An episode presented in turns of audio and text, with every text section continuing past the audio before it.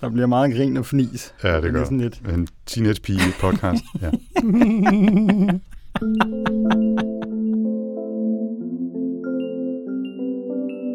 Velkommen til TechLiv, podcasten, der blev efterladt under en bænk, men heldigvis er kommet tilbage igen og er klar med friske nyheder og andet godt. Det er dog en lidt kortere episode end sædvanligt, fordi vi klemmer en ekstra bonusepisode ind i næste uge, men det fortæller vi mere om senere. Ja, men i denne her uge, der lægger vi ud med en nyhedsblog, der blandt andet skal handle om cookie-terror, om offentlige apps, der hitter, og om nogle af overskrifterne fra Microsofts årlige Build-konference. Bagefter så skal vi grave dybt i bonusposen, og så skal vi ikke mindst se på, hvordan det gik med sidste episodes udfordring, der jo handlede om, at Nick skulle smide sine nøgler væk. You know, for science. Ja, hvad vi ikke gør i videnskabens navn her i TechLivs podcast, hvor jeg i denne uge hedder The Mad Scientist, Nikolaj Frank. Og jeg hedder Anders It's Alive, Hø Nissen. Velkommen til. Men traditionen tro, der lægger vi først ud med et par opfølgere på de seneste episoder. Ja, og vi har jo fulgt ret meget med i de her crazy op- og nedture, som kryptovalutaerne har været igennem de seneste par måneder. Og i sidste episode, der fortalte vi jo, at man nu ikke længere kan købe en ny Tesla med bitcoin, hvis man har bitcoin nok til det, fordi Elon Musk pludselig har opdaget pludselig pludselig, at bitcoin mining er noget helt forfærdeligt klimasvineri, fordi de store computere står og kører på kinesisk kul og så videre. I samme ombæring, der nævnte vi dog, at den alternative kryptovaluta med mere, der hedder Ethereum, har planer om at skifte til en anden metode at mine øh, kryptovaluta på, det der kaldes Proof of Stake, som ikke kræver i nærheden af samme computerkraft og måske kan begrænse strømforbruget ret markant. Ifølge Ethereum, der skulle den nye metode kunne skære strømforbruget ned til en 10.000 del af det, som det koster i dag, og de hævder at være klar allerede i år, selvom skeptikere siger, at det sikkert først bliver i 2022. Men Bitcoin-folket sidder heller ikke på hænderne her. Der er netop blevet annonceret et så, såkaldt Bitcoin Mining Council, altså et råd for Bitcoin mining, som skal arbejde præcis på at nedbringe Bitcoins gigantiske klimaaftryk, og Elon Musk er selvfølgelig også involveret her. Og nu er jeg sådan set ret ligeglad med, om det bliver Bitcoin, eller Ethereum, eller Polkadot, eller Techbox, som jeg foreslog som en ny kryptovaluta for nogle episoder siden, så længe vi ikke øh, belaster planeten mere end allerhøjst nødvendigt. Det lyder fedt, hvis det lader sig gøre. En 10.000 del, det er godt nok en, øh, en, en seriøs øh, nedbringning af, af klimaaftrykket, så det vil jeg altså se, før jeg tror det. Mm-hmm. Ja. Vi snupper altså også lige en kort opfølger på retssagen mellem Epic og Apple, som vi også følger interesseret med i. Det er jo en ret principiel sag om, hvor meget magt et af de her største techfirmaer i verden skal have lov til at udøve over tusindvis af andre mindre firmaer, som jo sælger deres ting og sager gennem App Store. Og måske ender det jo med, at domstolen trækker en streg i sandet og ligesom sætter en ny standard for, hvad der er op og ned. Jeg sagde i sidste episode af TechLiv, at afgørelsen kunne være lige rundt om hjørnet. Mm. Men dommeren i sagen, som hedder Yvonne Gonzalez Rogers, hun sagde ved det sidste retsmøde, som i talende stund ligger omkring 10 dage tilbage, at der altså kan gå flere måneder, inden hun har fået kværnet sig igennem de mere end 4.500 siders afhøringer og andet sagsmateriale, som hun altså skal basere sin afgørelse på. Men vi følger selvfølgelig op, når dommer Rogers hun er klar.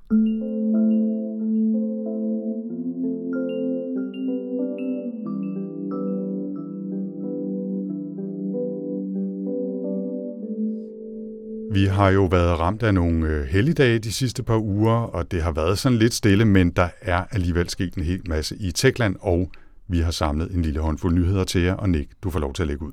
Ja, og vi starter altså med en nyhed, som varmer mit internetfrustrerede hjerte en lille smule, vil jeg sige. Fordi jeg bruger altså hver eneste dag ret mange minutter og en del mere energi på at sige nej tak til cookies.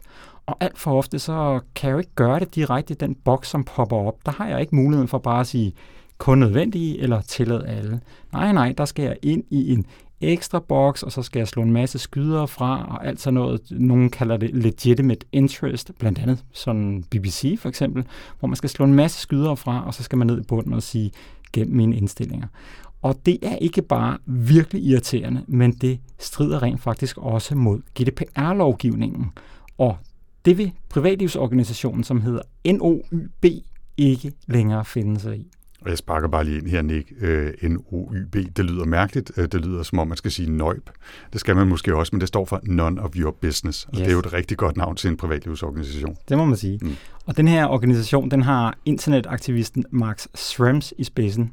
Og de har altså lavet en super fed kampagne mod det, de kalder Cookie Banner Terror. Og det gør de i håbet om at sætte en endegyldigt stopper for problemet. I løbet af 2021, der vil de give 10.000 virksomheder valget mellem at ændre deres cookie samtykkeboks, så den lever op til GDPR, eller blive indberettet til det lokale datatilsyn. Og NOYB de har simpelthen bygget et system, der automatisk kan identificere websider, som overtræder de her GDPR-regler, og så sidder der nogle medarbejdere hos dem, der lige verificerer, at deres computer har set rigtigt, og dernæst så sender de simpelthen et udkast til en formel klage, som det her firma modtager. Og de får udover klagen også en trin-for-trin-guide til, hvad de skal gøre for at tilpasse deres cookie-samtykkebanner, og så får de et link til en hjemmeside, hvor de kan logge ind og bekræfte, at de nu har rettet deres cookiebox. Sker det ikke inden for en måned, så vil NOYB formelt indsende klagen til det lokale datatilsyn, og virksomheden vil så risikere en bøde på op til 20 millioner euro. De første 500 firmaer de har allerede fået en kærlig henvendelse fra NOIB, og jeg synes altså lige, at jeg vil nævne her, at det ikke små øh, mom and dad virksomheder, som de henvender sig til. Det er nogle af Europas allerstørste firmaer, som gør sig i det her, som de kalder for skøre klik-labyrinter. Jeg synes, det er en super cool kampagne. Altså, Max Frems, han har jo virkelig engageret sig. Det var også ham, der øh, tog den store clinch med Facebook om at få downloadet alle data, de havde samlet om ham, og så videre, og så videre. Han, han laver altså nogle sjove ting, og det her, det synes jeg er et virkelig, virkelig fedt projekt, fordi jeg synes jo, GDPR er en, er en super god og interessant og vigtig lovgivning, men i praksis er det bare blevet til et klikhelvede. Altså selv, selv de steder, hvor det rent faktisk fungerer, hvor folk gør, som de skal, og der ikke er sat flueben, steder, hvor der ikke må være sat flueben, er det jo en daglig irritation, og så begynder man at hente Chrome script, som gør, at man hopper hen over dem og alt muligt andet. Det, det er ikke det, der er meningen. Øh, og hvis man får ryddet op i det, så alle overholder reglerne, i hvert fald gør det super nemt at sige ja til kun nødvendige, eller reject all, eller hvad det nu er, så synes jeg, det er fantastisk. Så min eneste bekymring er, at det kommer til at virke som om, at det er en kampagne mod GDPR, og det er det ikke. Det er en kampagne mod de virksomheder, der misbruger eller overtræder reglerne i GDPR. Vil du være, Anders? Jeg er helt enig. det var godt. En nyhed mere? Ja.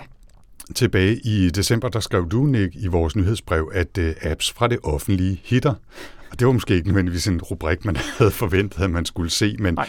det var den gang, hvor den netop lancerede kørekort-app var havnet som nummer et på hitlisten i Apples App Store, efterfulgt af NemID's nøgle-app og Smittestop-appen, der også lige var lanceret på det tidspunkt. Men det er ikke stoppet der, fordi øh, det offentlige Danmark fortsætter sin dominans både hos Apple og i Googles app-butik. Først så kom Coronapass-appen, der blev hævet ned i 100.000 vis, og i denne her uge, der kom så app-versionen af det gule sundhedskort, og det har ikke ligefrem gjort det offentlige dominans mindre i app-butikkerne. I talende stund har 5 ud af 6 af de mest downloadede apps hos Apple, det offentlige som afsender, og sundhedskortet er allerede havnet som nummer et, og coronapas og kørekort osv. ligger også stadigvæk højt. I Google Play Store er fire af de seks mest downloadede apps også fra det offentlige, og sundhedskortet er også her strøget direkte ind på førstepladsen. Og selvom øh, pandemien selvfølgelig er klart medvirkende til, at for eksempel coronapasset hitter, så lader det til, at danskerne over øh, en bred kamp er glade for at erstatte deres øh, plastikkort og forskellige tjenester med apps, og at øh, digitale løsninger formateret som en applikation, som det hedder på godt gammeldags, det er noget, vi er interesseret i. Så kan man diskutere, om det er de mange, mange millioner værd, der er givet for de enkelte apps, men altså sammenlignet med, hvad vi ellers øh, tidligere har set af mærkelige skandaler med mange, mange milliarder, der er blevet brugt på mærkelige ting, uden vi har fundet ud af det, så er, der dog sket en bevægelse. Men Nick, en, en lille kommentar her, fordi jeg har set en del brok på Twitter, især i kølvandet på lanceringen af sundhedsappen her, ikke? hvor folk er sådan lidt sure, eller synes, det er lidt dumt, at der skal være forskellige apps til alle de her ting. Hvorfor kan man ikke bare samle sundhedskort og kørekort og vaccinepas og alt muligt andet i én app? Og øh, hvad tænker du om det? Jamen altså, jeg tænker, at det er virkelig nemt at være tech på sociale medier og på andres vegne. Men jeg er så sikker på, at på, for rigtig mange mennesker, som ikke er så tech-savvy, og dem kender jeg altså et par stykker af, Mm-hmm. der er det altså markant mere simpelt, at det er splittet op i apps. Øh, og apps, som hedder og ligner præcis det samme, som det, det erstatter. Ikke? Og må jeg ikke eventuelt foreslå til de folk, der har et problem derude, at ja. de samler alle de her apps fra det offentlige i en mappe på deres iPhone eller Android og kalder mappen apps fra det offentlige, så kan de ligesom lege, at det er deres fælles app, hvor de kan gå ind i, når de skal åbne den rigtige. Ikke?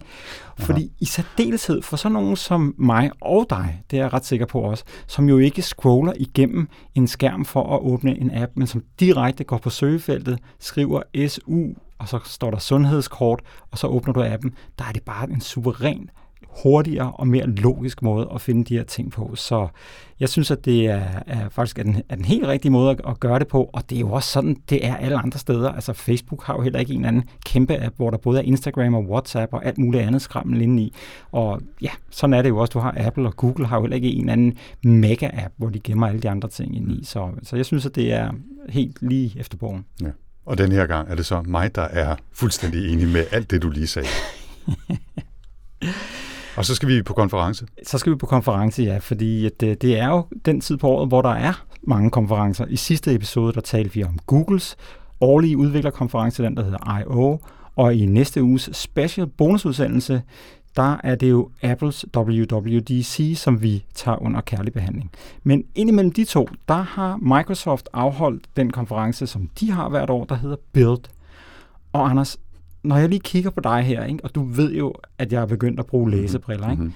så ligner du pludselig en, der har lyst til at imitere Microsoft tidligere CEO, Steve Ballmer, og den måske nok mest legendariske episode, der nogensinde har udspillet sig på en udviklerkonference. Ja, jeg, jeg tager lige uh, mentalt 40-50 kilo på og sveder og så virkelig tror jeg, meget, og så råber jeg, developers, developers, developers! Var det godt nok? Ja, ja så, så tror jeg, at han lige han gentog det omkring en 20-30 gange ekstra. Ja, det får du men, altså ikke. Du får tre. ja.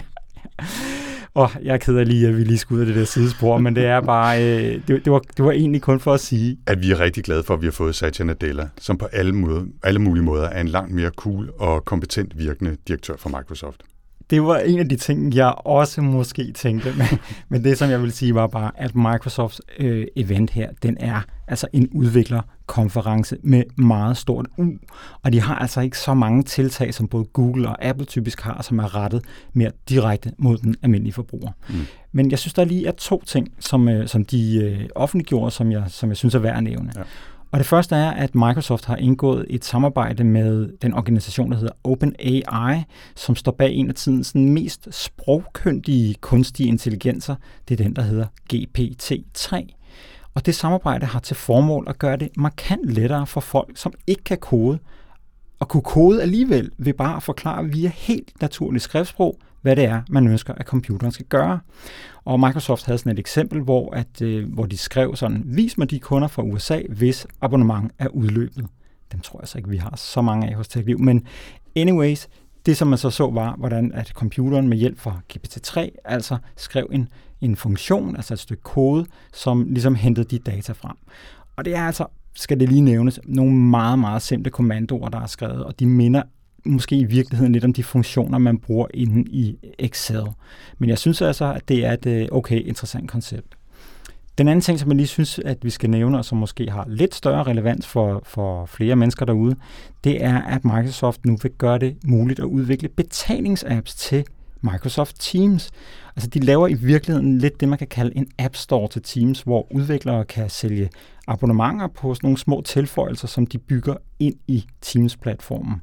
Og det betyder også, at man måske vil begynde at se, det bliver i hvert fald muligt, altså at øh, udviklere laver alternative designs af nogle af Teams kernefunktioner, så måske kommer du til at have en anderledes videooplevelse, end den du sidder og snakker med, eller din chat kan se ud på en anden måde, fordi at du simpelthen kan ligesom trække nogle skins og nogle nye funktioner ned over nogle af Teams kernefunktioner. Så de er simpelthen ved at gøre det til en åben platform øh, med, med sin egen App Store. Hmm. Så Ja, spændende. Ja. To tiltag i hvert fald, der kan komme til at betyde noget for os herude i virkeligheden.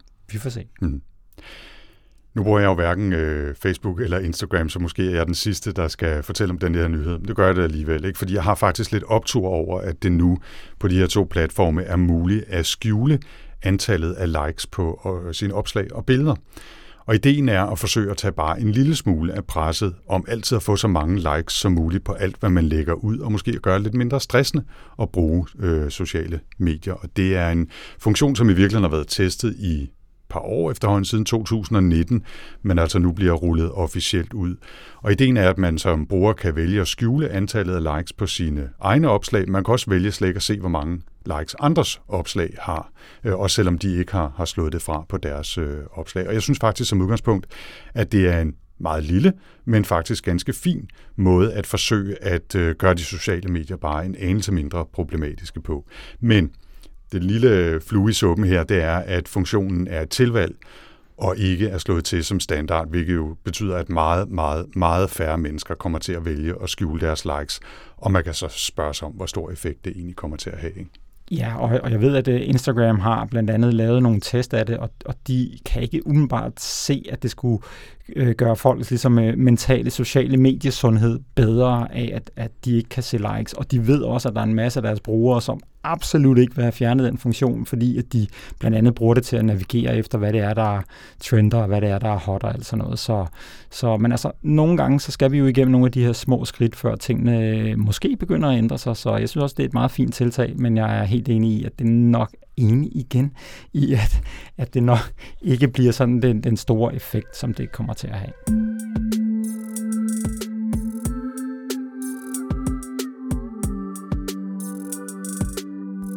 Og så er vi kommet til øh, den her episodes bonuspose. Og lige om lidt, der skal vi tale om noget mere bonuspose. Det er en udfordring fra sidst, som vi følger op på, men man skal ikke snydes for en ny bonuspose.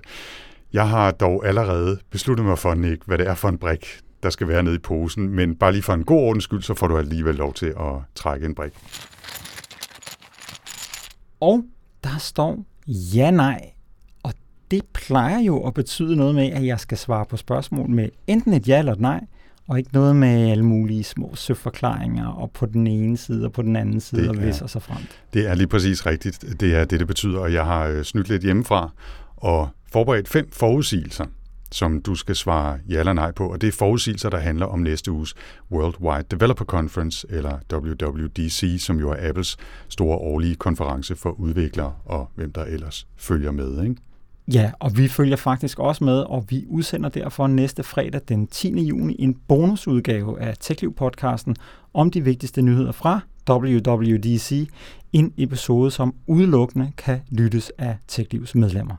Men tilbage til denne her uge og posen og den udfordring, som nu rammer mig om et øjeblik. Ja, du skal have en ja-nej. Og det er jo øh, åbningskeynote øh, på WWDC her den 7. juni, og det plejer også at indeholde nyheder, som er til at forstå for andre end programmører på, øh, på konferencen. Og det er faktisk ofte nogle ganske store nyheder, både om øh, nye versioner af iOS og macOS osv., men også om nye computer eller andet hardware. Det var for eksempel der, de annoncerede deres overgang til Apple Silicon, deres hjemmeproducerede mikrochips sidste år.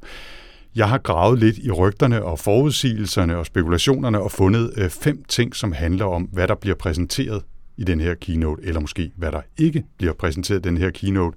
Og du må altså kun svare ja eller nej til, om du tror, mit øh, udsagn er rigtigt, og så noterer vi det, og så øh, laver vi jo som sagt en bonusepisode næste uge, hvor vi følger op på WWDC, og der skal vi altså også lige øh, gøre regnskab skal vi ikke sige nu i den her enighedspodcast, at når jeg har svaret ja eller nej, så skal du faktisk svare, hvad du synes, og så kan jo. vi jo se, om vi også er enige. Altså, jo. jeg ved jo virkelig, altså jeg aner ikke, hvad du vil spørge mig. Nej, men øh, det er en aftale, det, yes. det, det siger vi. Jeg skal nok, øh, jeg skal nok sige også. Okay. Ja. Så jeg kan lige så godt sige det på forhånd, jeg har lavet seks, fordi der skal altid være en okay. bonus. Ja. Godt. Nummer et. Apple præsenterer redesignede MacBook laptops i 14 og 16 tommer udgave med looket fra de nye iPads og den nye 24-tommer iMac? Ja eller nej? Jeg skal ikke, der skal ikke også være en M2-chip øh, i? Du skal, okay. allerede nu er du gået i gang med ja, alt muligt okay. andet. Nå, du, jeg, jeg vil bare gøre det ekstra svært. Ja så. eller nej? Jeg siger ja. Okay. Hvad siger du? Øh, jeg... Ja, for fuck. øhm, altså, det er jo bare ja eller nej, Anders. Jeg siger ja også. Okay. Lige på den her i hvert fald. Spørgsmål nummer to iPad OS 15, som formodentlig vil blive præsenteret, vil gøre det muligt at placere de her widgets ude mellem app-ikonerne, ligesom på iPhone. Helt sikkert ja. Jeg siger også ja. Okay. Tredje udsagn eller forudsigelse her. Apple præsenterer næste version af deres Apple Silicon Chip, altså afløseren for den M1, der efterhånden er i alting. Øh, måske med mulige undtagelser af de AirTags, øh, vi har med i den her episode også. Altså, kommer der en ny øh, version af en Apple Silicon Chip, ja eller nej? Det siger jeg så ja til, fordi jeg tror at øh, det er den, der sidder i de der øh, 14 og 16 sommer der. Okay. Og? Øh, jeg, jeg siger også ja, fordi selvfølgelig præsenterer de en ny. Øh, men nu, nu kommer der så et, hvor vi måske øh, bare lige en bonus, bonus, bonus. Ikke? Den her nye chip, bliver det en M1X, eller bliver det en M2? Helt sikkert en M2. Okay, fordi der siger jeg, at det bliver en M1X, de præsenterer den her omgang. Så det, det er spændende at se, hvad der sker der. Apple har lige annonceret en opgradering af lydkvaliteten af Apple Music, men deres øh, møgdyre AirPod Max hovedtelefon, de kan faktisk ikke spille den højeste lydkvalitet, det snakker vi også om øh, i sidste episode. Lancerer Apple en ny version af hovedtelefonerne til Apple High Res Lossless, eller hvad det nu er, det hedder. Ja eller nej? Nej. Okay. Og hvad siger du? Jamen, jeg siger også nej. Det er jo, altså, det er jo noget knald, ikke? Vi, vi er simpelthen alt for enige. Shortcuts er for nogen blevet et øh, uundværligt værktøj i hverdagen, men det fungerer kun på iPad og iPhone. Kommer shortcuts til macOS? Ja. Der siger jeg faktisk nej. Jeg tror simpelthen, at de trækker den et år mere. Jeg håber, at den kommer, men jeg tror det ikke. Og så den sidste, som er bonus, bonus, bonusen. FaceTime har haltet noget efter Zoom og Teams og Skype i det forgangne års tid. Vil Apple lancere nye features i FaceTime for at forsøge at tage noget af videomødemarkedet tilbage? Ja eller nej? Altså, en eller anden ny feature kunne der sikkert sagtens komme, så der, der siger jeg også bare ja. Okay, jeg siger nej. Okay, jeg ja. har bare totalt ja handen på. Ja. Altså en ny feature, det er virkelig et, øh, et, et, et meget bredt øh, ja, det, er det, det må vi se lidt på, hvis det er, at man kan øh, sætte nyt skin på, så er jeg ikke sikker på, at, øh, at det tæller med. Men... Var det seks spørgsmål, det her? Ja, det var det faktisk. Okay, der var, et, der var et, der undrede mig ikke var der, men det er selvfølgelig, fordi jeg allerede har lagt hovedet på bloggen for lang tid siden omkring det, og der har godt nok været meget stille om det siden, men det handlede jo om, hvorvidt de præsenterer det brillesystem, som på en eller anden måde skal, altså styresystem, som skal blive øh, fremtidens øh, ja, styresystem til, til nogle briller, som sikkert først kommer om noget tid, men mm. fordi at de jo bliver nødt til at lægge det ud i hænderne på udviklerne, inden at selve det her device kommer. Det har jeg jo sagt for et stykke tid siden, at jeg troede. Men, øh, det er ja. måske, fordi jeg har set så få rygter, der handlede om det de sidste tre måneder. Jeg betragter det som meget usandsynligt. Men det er være, at du kommer til at virke som total profet, når vi vender tilbage i næste uge. Yes, vi får se. Ja. Og vi minder altså om, at vi følger op på den her og på WWDC i næste uge med en bonusepisode af TechLiv til medlemmerne, så alle nyhederne er i friske rending, og vi altså kan se, hvor mange rigtige Nick og jeg fik her i bonusposen.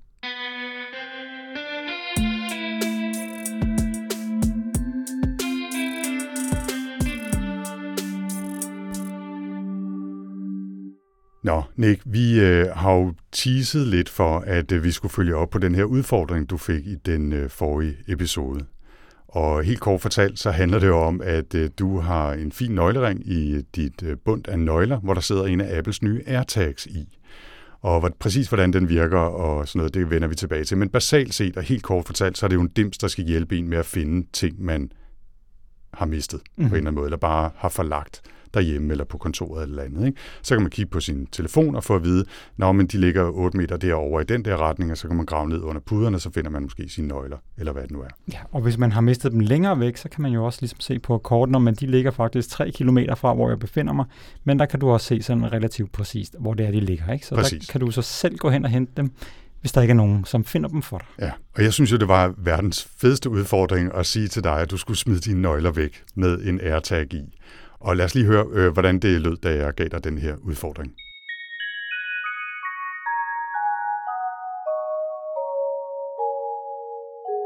Så du skal øh, basalt set frivilligt gå ud og miste dine nøgler et eller andet sted ude i København.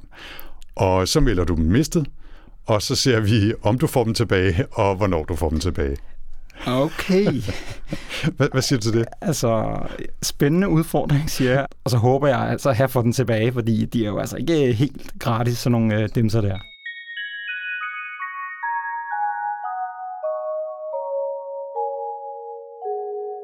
Og Nick, øh, hvad sagde du som betingelse, da jeg øh, bad dig om at smide dine nøgler væk? Altså, jeg sagde, at jeg ville gerne miste nogle nøgler, men jeg vil faktisk gerne have lov til at skifte dem ud, så det ikke var dem hjemme til min egen hjemmeadresse, som jo normalt er dem, der sidder sammen med AirTag'en, som var i. Så det gjorde jeg. Jeg skiftede dem til nogle andre nøgler. Nogle nøgler, som jeg faktisk ved virker, og jeg ved, hvad de virker til. Så, det, så der var lidt mere på spil, end at det bare var en eller anden skrammelnøgle, som jeg egentlig havde tænkt over. Men din, det var ikke din, hjem til mig selv. Din drenges cykelnøgler. bare ej, så der var ej, lidt på spil. Ej. Og, øh, og så hørte det også lige med til historien. Jeg har jo faktisk lovet dig, at jeg ville erstatte din AirTag, hvis du ikke fik din øh, AirTag tilbage. Så, så øh, du stod ikke til at miste noget andet end nogle nøgler, som måske så alligevel vil komme til at gøre lidt ondt. Ikke? Men, men kan du ikke lige fortælle, hvad det så var, vi gjorde? Fordi vi øh, gjorde det jo i fællesskab, at vi mistede dine nøgler. Jo, altså det var sidste fredag, der gik vi ned ved søerne, som ligger relativt tæt på vores kontor her. Og der tabte jeg dem sådan helt tilfældigt ind øh, bag ved en bænk, sådan nærmest ind under en busk. Og da jeg så havde tabt dem der, så gik vi væk derfra, og så gik jeg ind i appen og meldte dem som mistet de her nøgler. Og så kom der sådan en lille besked op, hvor at, øh, jeg kan vælge at, at putte mit øh, telefonnummer eller min e-mailadresse ind, og hvor der er en, en, en, sådan en præfabrikeret besked, som jeg ikke kunne ændre med. Jeg har mistet mine ting. Hvis du finder den, må du meget gerne kontakte mig. Og der valgte jeg så at putte mit telefonnummer ind. Og Man så, kunne vælge en e-mail eller en telefon. Ja, lige ja. præcis.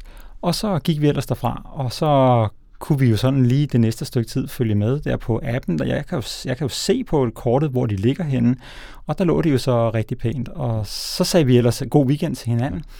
Må, må jeg lige øh, indspark her, at øh, bare ligesom man kan danne sig det her billede i, øh, i, for det indre blik, altså så lagde vi dem sådan, at de kunne ses, når man stod foran bænken. De var ikke sådan helt skjult inde under busken. Og vi, du havde også meget omhyggeligt lagt det sådan, at det lille Apple-logo på AirTag'en vendte opad så det er måske ekstra meget fanget opmærksomheden for jo, den, der, men, men, der vi, men, men vi har jo ikke lagt dem sådan, så den første og den bedste, der bare satte sig på bænken, ville se dem. Så det var, det var meningen, at det skulle være sådan lidt mere skjult. Ikke? Ja. Og så, øh, vi, ideen var jo også ligesom at udforske, hvad der sker øh, og også hvad, hvad man kan gøre i appen, og hvad oplevelsen er. Og en ting, kan jeg huske, vi prøvede, det var faktisk, da vi var kommet tilbage på kontoret, altså var uden for Bluetooth-rækkevidde, øh, så prøvede vi, altså, at jeg gik derned, og så prøvede du at se, om du kunne spille øh, få den til at sige en lyd, for den kan jo sige en lyd, som skal hjælpe med, at man finder den. Og det kunne du ikke gøre. Det kunne jeg ikke gøre på, på per distance, og det var jo lidt øh, nederen, fordi det havde jo været en ret smart måde at tilkalde sig opmærksomhed på, ikke også? Ja. Men øh, det, det kunne altså ikke lade sig gøre. Men det er jo også lidt, fordi ideen er, at hvis du er altså kan se, at den ligger dernede, så vil du i rigtig mange scenarier selv gå ned og kigge efter den. Men det var ikke det, der var eksperimentet her. Det var, er der nogen, der finder den, ja. og hvad sker der så? Ja, og så. Det, det næste, der skete, var, der gik et par timer, og øh, så går jeg lige ind og tjekker i appen igen, bare sådan, for hvad de er sådan lidt nysgerrige der, ligger de der stadigvæk.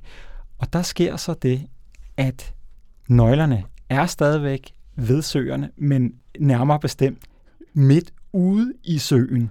Sådan at det bliver det vist på kortet. Aha. Og, øh, jeg fik sådan lidt en panisk besked fra Nick med det. ah, det her screenshot, hvor jeg tænkte, oh, der er en eller anden idiot, der har taget mig kylet dem 100 meter ud i søen. Lige præcis. Ja. Men, øh, men det skulle vise sig, at der, der gik en, en halv time eller en time til, så tjekkede jeg igen, og så lå de så tilbage på bredden igen. Så det er jo også en meget god indikation på, at selvom at den er ret præcis, så er der altså noget med de her mobilsignaler, der nogle gange gør, at den bliver forvirret over, hvor den er henne. Ikke? Og, og det, er jo, det er jo fordi, at øh, den her nøgle, den øh, pinger netværket og siger, hvor den er henne, hver gang den kommer i kontakt med en iPhone, der er ny nok til ligesom at kunne øh, takte det her signal.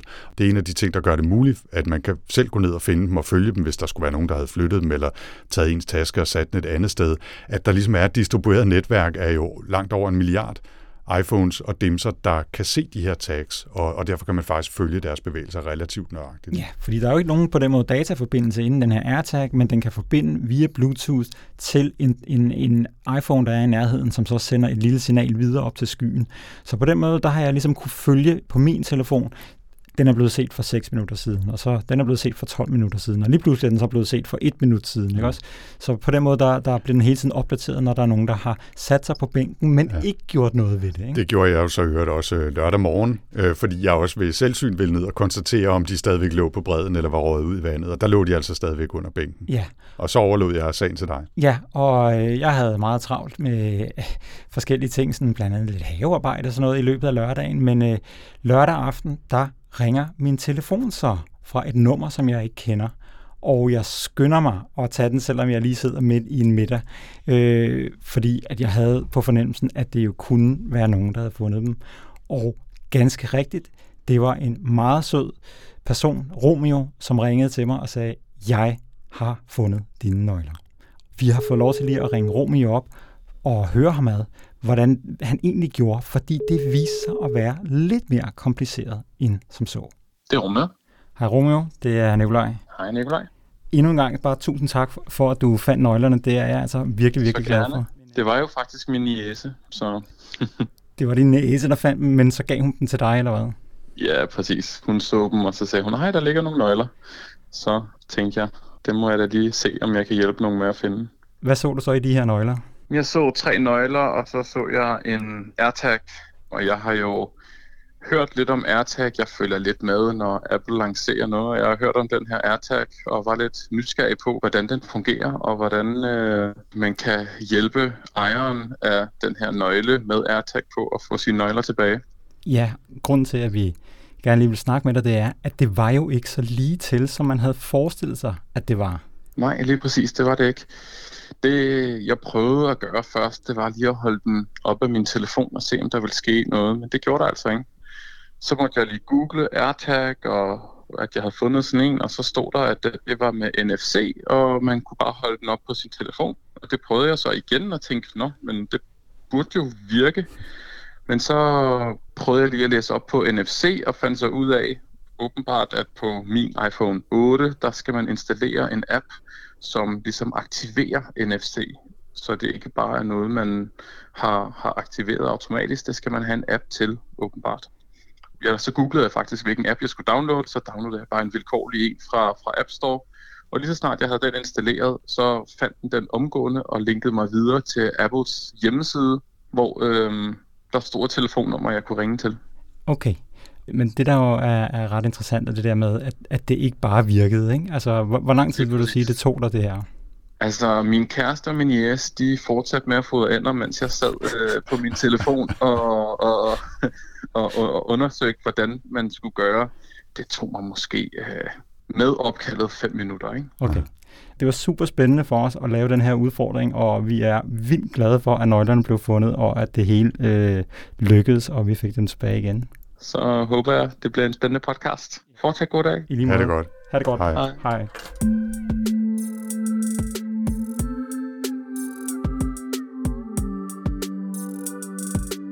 Ja, det var altså Romeo her, som lyder som en utrolig rar mand. Ja, det var han bestemt også. Altså, det, på den måde var det, det, var, det var ekstra godt, at det var et rart menneske, også fordi jeg, jeg fortalte ham jo, da jeg, da jeg hentede nøglerne, at øh, fa- faktisk havde jeg ikke i virkeligheden mistet mine nøgler, men at han var øh, blevet taget sådan lidt øh, som gissel i et, i et forsøg her. Men han, han synes jo bare, at det var sjovt. Det var ikke helt skjult kamera, men næsten. Nej, ja, lige præcis. Ja. Men det var ikke bare Romeo, som havde lidt vanskeligheder ved at, at, at få den til at lystre den her AirTag. Mm. Fordi da jeg hentede den, og han ligesom forklarede om de problemer, han havde haft, der tog jeg AirTaggen, eller jeg havde fået den tilbage af med, med nøglerne, og satte den op mod min telefon, og der skete ikke en dyt. Jeg tænkte, det var da super mærkeligt. Jeg kunne slet ikke forstå det, fordi det er jo NFC, og NFC, det kender vi jo fra, når vi betaler sådan med mobilbetalinger. Man altså bare sådan lige i nærheden, den der scanner der, så siger det penge, så har man betalt. Der skete ingenting. Og jeg var ret forvirret over, hvad, hvad det var, der foregik.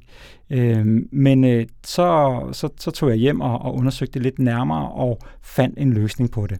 Men nu har vi altså Romeo, der havde haft lidt svært ved det, og vi havde mig, som havde haft lidt svært ved det. Så da vi øh, mødtes på kontoret mandag morgen, så var det, at jeg lige gav dig en lille udfordring, Anders, fordi jeg stak dig så lige nøglerne med AirTaggen i og siger, nu skal du lige lege den, der har fundet mine nøgler med AirTaggen i. Hvad gør du? Det lavede vi en lille optagelse af, den kan du høre her. Anders, jeg har lige en øh, opgave til dig her. Ja. Fordi at, øh, her har jeg jo nøglerne med AirTaggen i. Aha. Men den står stadigvæk i det der mode, der hedder øh, lost mode. Altså, den er forsvundet, den er blevet væk. Ja. Så nu har du lige fundet mine øh, nøgler ja. Med AirTaggen i. Ja. Hvad gør du?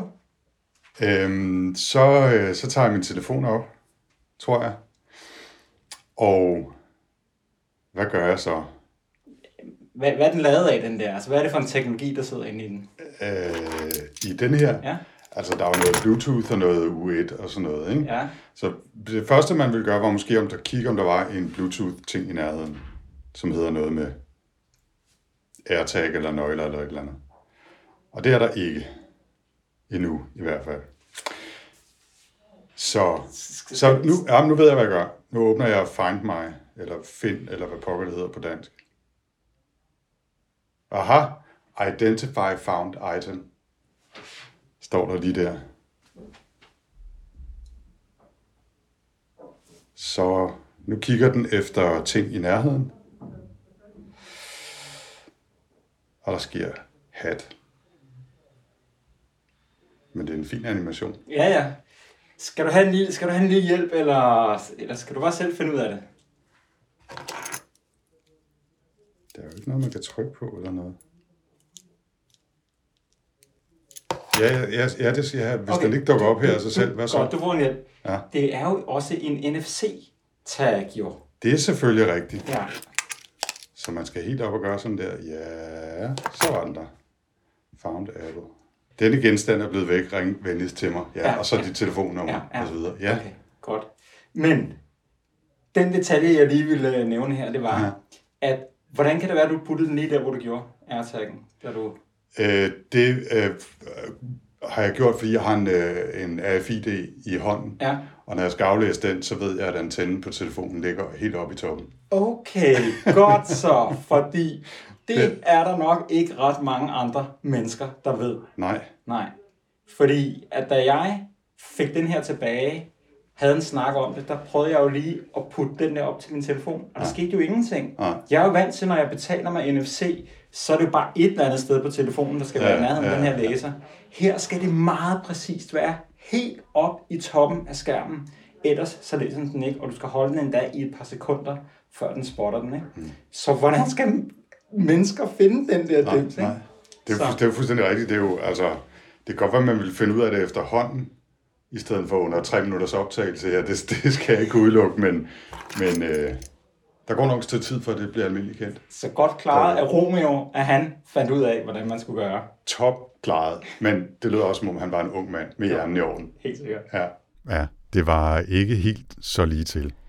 Det, som øh, Romeo sagde, at han gjorde som det første, det var at søge på nettet. Altså found, AirTag, et eller andet. Og så får man nogle, nogle vejledninger, og det vil formodentlig også være skridt to eller tre, man meget hurtigt skal kaste sig ud i, fordi man sidder lidt med den der lille hvide brik og tænker, huh?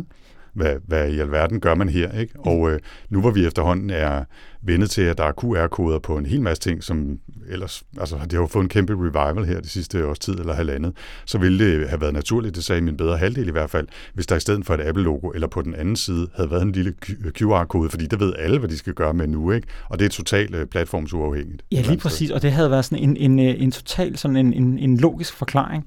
Det, altså, det er ret vildt, at de har lavet et device, der er så ulogisk forklaret, hvad man skal stille op med, og man skal godt nok holde den meget præcist helt op ved toppen af sin telefon, før den registrerer noget. Så der er altså et, et meget stort stykke uddannelsesmæssigt øh, arbejde, der ligger, der ligger til nogen der. Ja.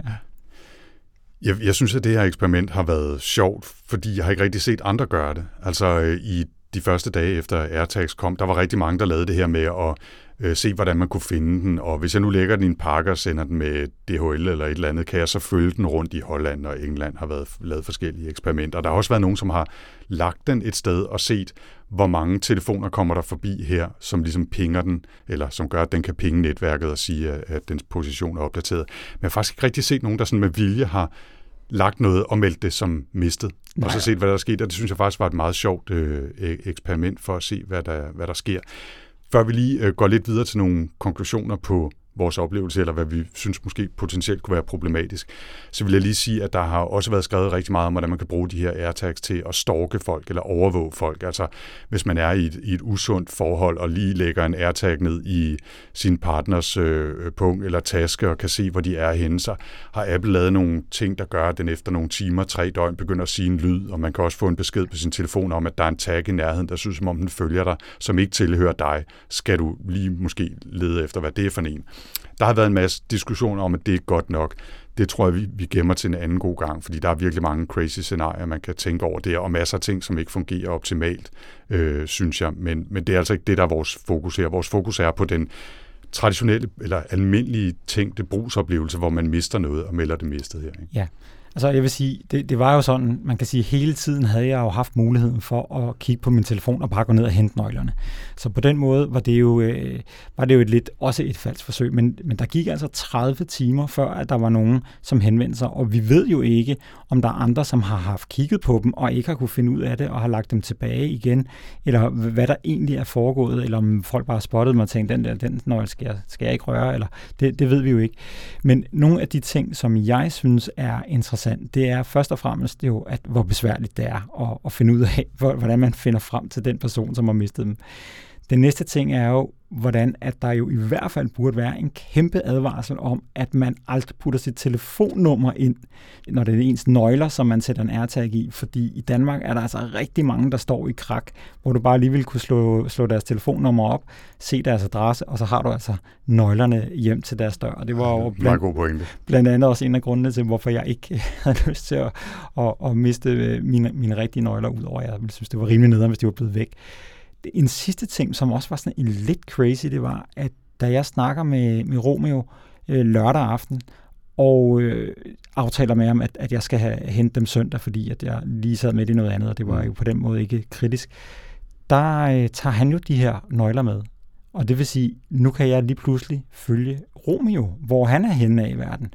Altså, og endda se hans adresse, bortset fra, at, øh, at øh, Apple var så venlig lige at vise et par, øh, fordi deres øh, tracking åbenbart ikke er god nok, et par numre ved siden af der, hvor han faktisk boede. Mm. Men der er mange udfordringer med den her teknologi. Ja, jeg tror, at der, hvor, øh, hvor jeg tænker, det giver mest mening, det er, hvor du har tabt dine nøgler, der går folk forbi, og nøglerne pinger op på netværket, fortæller, hvor de er cirka, og så går du ned og leder efter dem, og når du er inden for de der 20-30 meter fra det sted, hvor du på kortet kan se, dine nøgler er, så kan du begynde at, at pinge den med din U1-chip i telefonen, og så få den her pilguide hen til, at den kan begynde at sige lyde. Altså det er måske et relativt realistisk scenarie, og måske også det mest udbredte scenarie. Ikke? Fordi det der med, at man mister dem, og så, som vi har øh, hørt, altså, så er det faktisk svært for dem, der finder dem, at finde ud af, hvad de skal gøre. Og hvis det nu havde været i en taske eller en pung, jamen, altså medmindre man virkelig begynder at grave ned i alle lommer, så er det ikke sikkert, at man overhovedet ser, at der ligger en AirTag i, vel?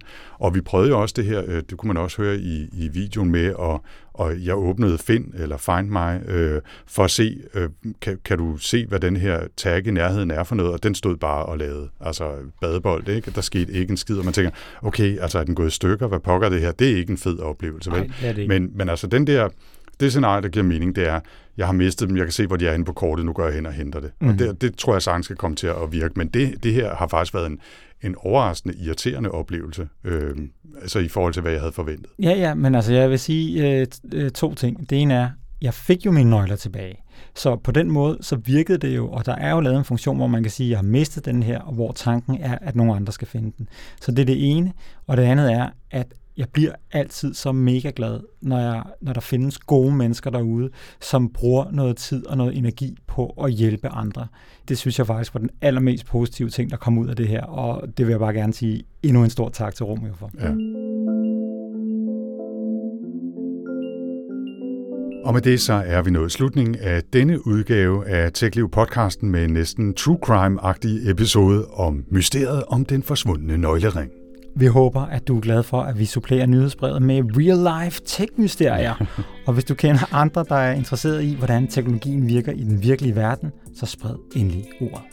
Tilbage er der bare at sige, at TechLiv-podcasten helt ekstraordinært jo vender tilbage igen allerede om en uge, når vi drøfter nyhederne fra Apples Worldwide Developers Conference, og det sker selvfølgelig lige her i din afspiller.